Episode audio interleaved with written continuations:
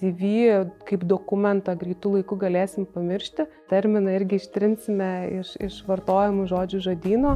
Sveiki, mėly žiūrovai, sveiki įsijungę Profcastą, su jumis sveikinuosi aš, bitės profė Elena ir čia kaip įprasta kalbėsime apie technologijų pasaulio naujienas bei dalinsimės patarimais. O šiandien kalbėsime apie mokymosi galimybės su šio laikinėmis technologijomis ir programėlėmis. Ir šalia manęs yra mano pašnekovė, bitė Lietuva žmonių ambasados vadovė Eglė Stanilionė. Sveiki, Eglė.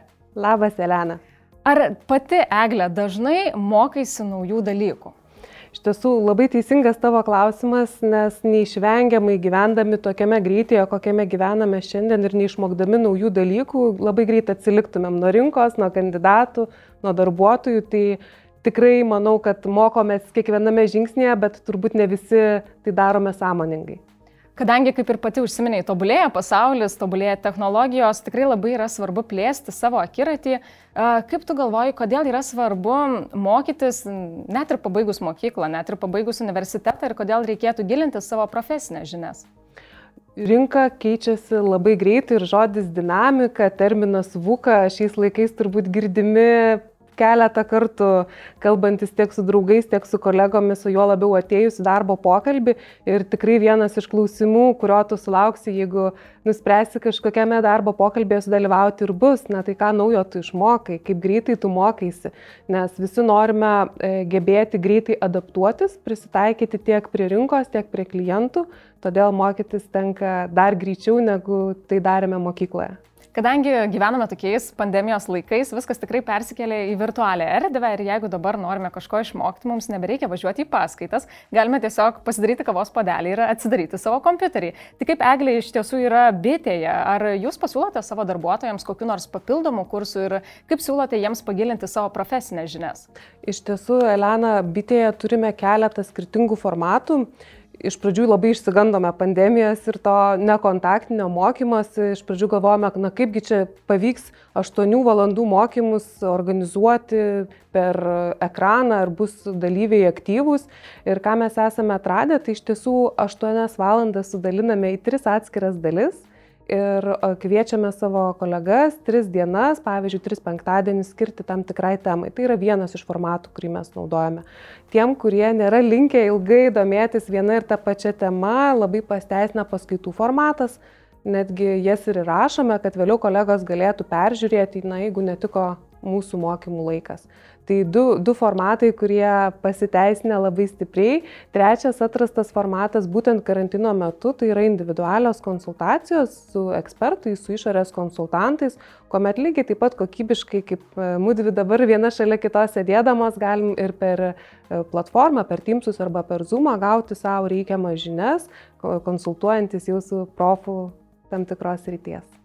Individualiai mokytis jūs taip pat galite ir savo namuose ir tai galite daryti elektroninėse platformose. Viena tokių, kurią norėčiau būtent jums rekomenduoti, yra edX. Čia jūs galite surasti virš 3000 internetinių kursų ir virš 300 pačių įvairiausių programų. Galite mokytis labai platų spektrą, nuo istorijos, matematikos iki muzikos arba menų.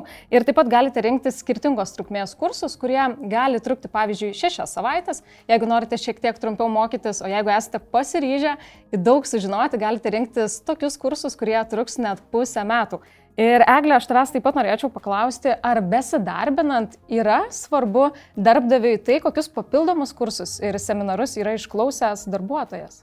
Jeigu kalbėsime apie visiškai startinės pozicijas, į kurias e, atkeliauja dalis mūsų kandidatų, galbūt nėra taip svarbu turėti tuos sertifikatus, bet demonstruoti savo norą mokytis ir, ir, ir galėti papasakoti, kaip tu darai, Tačiau jeigu mes kalbame apie marketingo sritį, jeigu mes kalbame ypač apie IT, informacinių technologijų specialistus, ten sertifikatas atveria ne vienerias duris. Ir iš tiesų pirma vieta, kur ieškome tų sertifikatų, tai yra socialiniai tinklai. LinkedInas yra puikia vieta, kurioje galima demonstruoti ir, ir savo sertifikatus turimus. Pastaraisiais metais itin išpopuliarėjo viena mokymosi platforma, aš manau, kad ir tau yra tekę apie ją girdėti, tai Coursera. Teko girdėti? Tikrai taip, ir mokytis, ir girdėti tikrai teko. Geras, lanky kažkokius ten kursus, ką, ką mokėsi būtent? Tam? Iš žmogiškųjų išteklius ryties lygiai taip pat radau temą, kurios Lietuvoje niekas dar nebuvo aptaręs ir turėjau progą pasigilinti. Tai būtent ir jums norėčiau rekomenduoti apsilankyti Coursera mokymosi erdvėje ir čia jūs galite tikrai sužinoti daugybę dalykų nuo verslo, sveikatos, socialinių mokslų ir taip pat na, kitose srityse įgauti žinių. Ir na, šie kursai tikrai idealiai tinka tiems žmonėms, kurie nori pagilinti savo profesinės žinias ir taip pat jūs galite gauti sertifikatus, kuriuos, kaip ir sako Eglė, darbdaviai na, iš tiesų vertina. Eglė kartai žmonės tikrai suvokia, kad Ateina toks gyvenime etapas, kai dirbi mylimą darbą, atrodo svajoji apie jį ilgus metus, bet kažkurio laikotarpiu supranti, kad norėtųsi kažkaip pabandyti kitą sritį gyvenime, bet joje neturi jokių profesinių žinių, to nesimokiai.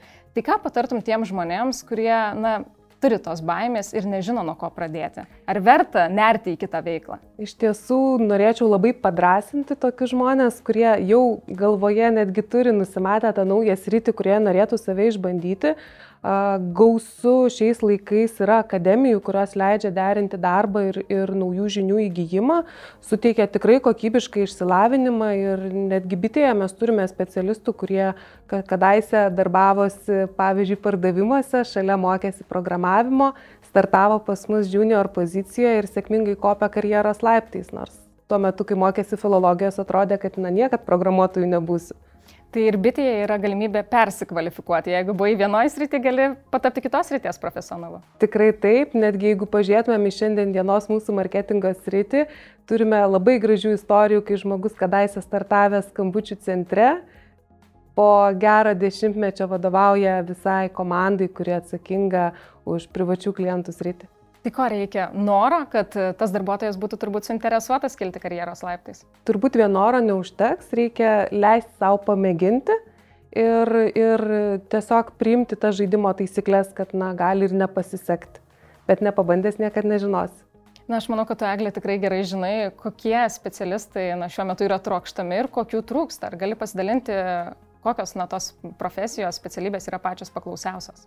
Jeigu atsiverstumėm portalus, na, kuriuose darbdaviai skelbia skelbimus, labai akivaizdu, kad yra dvi sritis ant bangos, galime taip sakyti. Viena iš jų yra pardavimai, tai nemirštanti klasika, turbūt niekada neteis tie laikai, kai geras pardavėjas nesusiras darbo per tris dienas.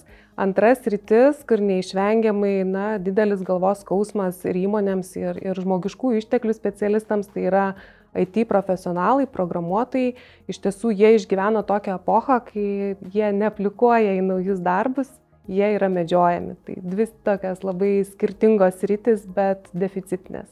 Kadangi tai yra deficitas, tai jeigu jūs sukate galvą, kokią profesiją pasirinkti, manau, kad tikrai galite nerti į programavimo pasaulį ir Čia lietuvių yra skurta nuotolinių kursų platforma Code Academy, kur jūs galite mokytis IT pagrindų, galite mokytis programavimo, skirtingo programavimo ir e, lygiai taip pat e, Code Academy, kai pabaigsite jų kursus, pasirūpins, kad e, susirastumėte darbo vietą ir jie bendradarbiauja tikrai su vienais stipriausių mūsų regione partnerių ir dar viena gera žinia tėveliams, kurie žiūri mūsų profkestus. Jeigu jūsų vaikas kada nors užsiminė, kad jam patinka tai, kas vyksta kompiuteryje, jis norėtų programuoti, programuoti. Čia taip pat yra bureliai skirti vaikams, tad būtinai apsilankykite Code Academy. Egle, neretai žinome apie galimybės mokytis ir gilinti žinias papildomai, tačiau taip jau nutinka, kad tos motivacijos ne visada yra. Kažkaip suvokiam, kad reikia plėsti savo akiratį. Nu, kažkaip atrodo, visiems tai yra suvokiami dalykai. Bet kaip atrasti tose 24 valandose, 7 dienose per savaitę to laiko ir tos motivacijos imti ir pagaliau kažko išmokti? Turbūt kaip ir visose dalykuose reikia tiesiog pradėti ir neužsibriežti per nelik didelių tikslų.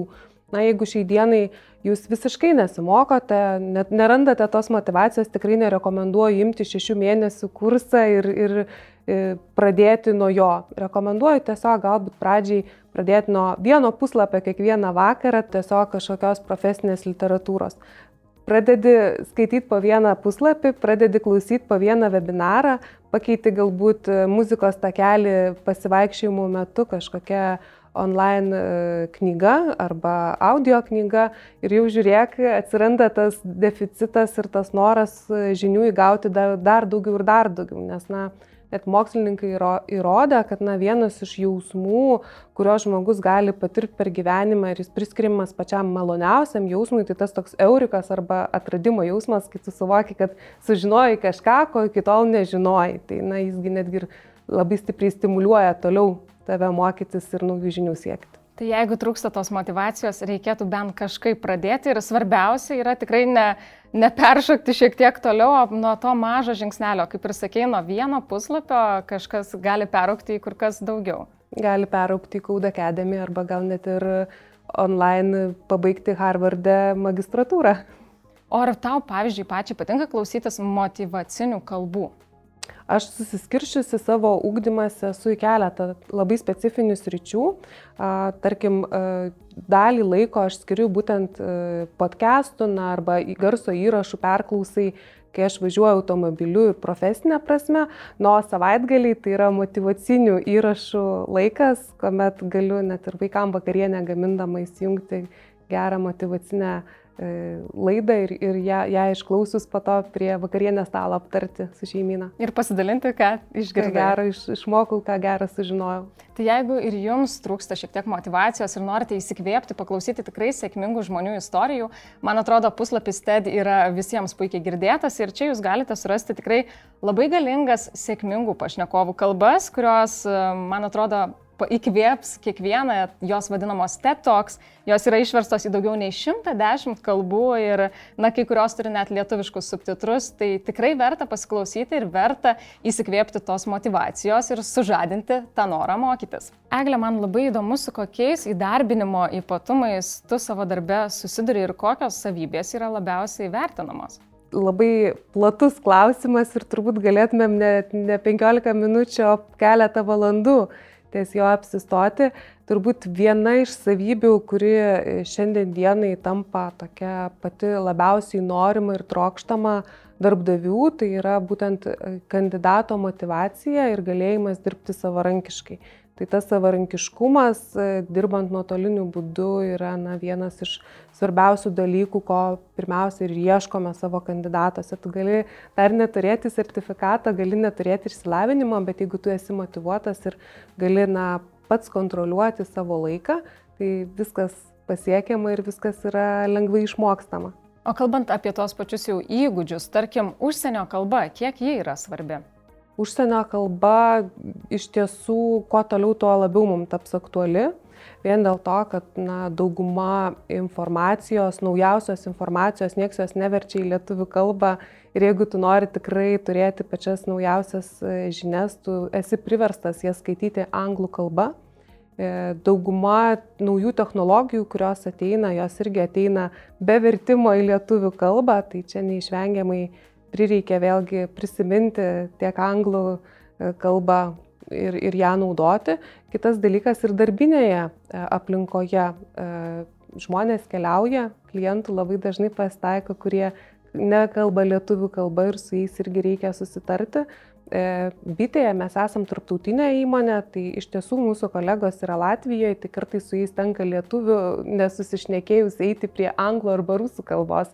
Tai sakyčiau, kad kalbos kuo toliau, tuo labiau taps aktualesnės, juo labiau, kad ir darbuotojai šiandien dienai turime irgi darbuotojų, kurie nebūtinai Vilniuje ar Kaune gyvena, bet galbūt tam tikrą periodą darbuojasi ir iš užsienio. Tai tikrai norint geros karjeros kalba yra būtina. Tai jeigu reikėtų išskirti tris pagrindinės galimybės, kurias atveria geras užsienio kalbos mokėjimas, kokios jos būtų? Tris pagrindinės galimybės aš įvardinčiau, tai yra platesnis pasirinkimas įmonių, kuriuose tu nori darbuotis, platesnis spektras pareigybių, kurias tu nori pasiekti, na ir geografija. Esi visiškai nepririštas nei prie šalies, nei prie lokacijos, atsiveria durys. O žvelgiant iš darbdavio pusės, e, kiek jam yra svarbu, kad jo darbuotojas gerai mokėtų užsienio kalbą? Turbūt vėl labai priklauso nuo pozicijos. Jeigu mes kalbame na, apie klientų aptarnavimo specialistą, kuris darbuojasi Visaginė, ta užsienio kalba, kurios tenai reikės, bus rusų kalba. Jeigu mes kalbame apie Vilnių, tai žinoma, kad e, privalu mokėti anglų kalbą, nes niekad nežinai, kokia kalba atėjęs klientas norės tavim bendrauti. Tai kalbame taip bendrai, kalba, kalbą reikia mokėti, bet kokie būtent mokėjimo įgūdžiai yra labiausiai vertinami? Tai, kad tu laisvai kalbi, tai, kad tu gerai rašai, tai, kad tu skaitai, kas yra čia svarbiausia? priklauso nuo srities, kur jie darbuojasi. Jeigu mes kalbam apie IT specialistus, jie labiausiai vertina rašytinę kalbą, rašytinę komunikaciją, jie dažniausiai ir komunikuoja būtent na, ne, ne, ne gyvo susitikimo metu, jeigu mes e, kalbame apie klientų aptarnavimo sritį, apie marketingą, apie žmogiškuosius išteklius, ten yra ženkliai svarbesnė būtent verbalinė komunikacija nei rašytinė. Mokytis užsienio kalbų yra labai svarbu ir jeigu jūs norite drąsiau bendrauti su užsieniečiais, aš jums rekomenduoju atsisiųsti programėlę LinkB, kuri tinka tiek iOS, tiek Android vartotojams. Tai lyg kalbų mainų sistema, kur jūs galite bendrauti su bet kuriame pasaulio kampelyje esančiu žmogumi. Ir programėlė veikia imk duok principu. Tai reiškia, kad jūs esate tiek mokinys, tiek mokytojas. Tiek jūs galite mokytis užsienio kalbos, tiek jūs gali kitas mokyti kurios nors užsienio kalbos. Ir taip pat galite susirasti daug draugų, kurie gyvena pačiuose tolimiausiuose pasaulio kampeliuose. Kaip jau užsiminiau, kitiems na, išmokti dalykų padeda bendravimas, tarkim, su užsieniečiais, užsienio kalba, o kas tau, Eglė, padeda išmokti naujų dalykų? Man naujų dalykų išmokti labiausiai padeda naujos užduotis. Komet gauni naują užduotį, naują tikslą ir esi alkanas surasti patį inovatyviausią būdą, kaip tą situaciją tu gali išspręsti. Tai labiausiai motivuojantis dalykas, tai sukurti kažką naujo, neiti kažkieno pramintom pėdom, bet e, galimybė išbandyti naujus dalykus, e, patirti naujas patirtis ir vėliau jomis galėti dalintis. Tai turbūt antras labiausiai motivuojantis dalykas apie mokymasi, tai sužinojus pačiam kažką naujo, turėti galimybę ir kitiem tai papasakoti ir kitus apšviesti. Kaip ir užsiminiai, naujos užduotys labiausiai motivuoja, bet tai reikalauja labai daug drąsos. Atrodo, sėdėti komforto zonoje labai patogu, labai gerai, labai minkšta. Kaip atrandi tos drąsos eiti tuo kitu keliu, surasti savo kelią, o ne kažkieno kito, kaip užsiminiai, pramintų tą keliu nušuoliuoti? Turbūt labai svarbu pasirinkti tinkamai įmonę, kurioje tu darbuojasi ir aplinką e, kolegų, su kuriais tu dirbi. Šitoje vietoje pati, pati kolegų aplinka ir, ir įmonė tiesiog neleidžia užmygti ir turėdami kolegų palaikymą bei jausdami tą nuolatinį konkurentų kvepavimą šalia, šalia esančių, tai labiausiai ir motivuoja judėti prieki, nes na, mūsų versle turbūt, jeigu pažiūrėsime per sporto palyginimą, tai yra nesprintas, tai yra maratonas, tu nuolatos turi būti bėgime ir niekada negali sustoti. Tai bet kuris sustojimas gali reikšti epochos pabaigą. Tai tiesiog tas noras nuolatos pirmauti, judėti prieki ir labiausiai skatina. Aš dar labai norėčiau, kad tu pabaigai pasidalintum ateities perspektyvomis. Ar keisis įdarbinimas, kokio mes galime jo tikėtis, nes yra tokių atvejų, kai darbdaviai darbina tuos, kurie net nepateikė savo CV. Ar ateityje bus labiau vertinami tie nuotoliniai kursai, kuriuos visi pradeda lankyti? Kaip tai atrodys kelių metų bėgyje? Kelių metų bėgėje turbūt kol kas labai nedrasiai rinkoje yra iš, iš, išbandoma ta nauja galimybė, kai tu nematai gyvenimo aprašymo, nes negali perskaityti faktų, bet e, kuo toliau į priekį judėsime, tuo svarbiau bus e, asmenybė, kuri sėdi prieš tave, prieš ekraną pokalbio metu ir, ir tos asmenybės gebėjimas adaptuotis kintančioje situacijoje. Tai aš nuoširdžiai manau, kad na, CV kaip dokumentą greitų laikų galėsim pamiršti, tą terminą irgi ištrinsime iš, iš vartojimų žodžių žodino, labiau pereisime prie tam tikrų profilių, ką ir šiandien dienai turime. Ir perėsime prie praktinių įgūdžių ir žinių, apie kuriuos tu gali papasakoti atėjęs į darbo pokalbį ir pagrysti tiesiog, na, jau tam tikrą patirtimį. Ačiū, Eglė, tikrai buvo labai įdomu ir tikiuosi, kad mūsų pokalbis įkvėps kitus ir toliau mokytis. Ir šiandieną mūsų profkestą čia ir užbaigsime. Jeigu norite sužinoti daugiau apie technologijų pasaulio naujienas, visada galite apsilankyti mūsų puslapyje bitė.lt, profų skiltyje. Taip pat nepamirškite prenumeruoti ir mūsų YouTube kanalo Bitė Lietuva. Na ir taip pat galite apsilankyti ir pas kitus bitės profus, kuriuos surasite didžiuosiuose Lietuvos miestuose. Esate esančiuose bitės salonuose. Ačiū Eglė dar kartą, buvo tikrai Ačiū, įdomu. Aš tikiuosi, kad jūs nenustosite mokytis ir iki kito karto.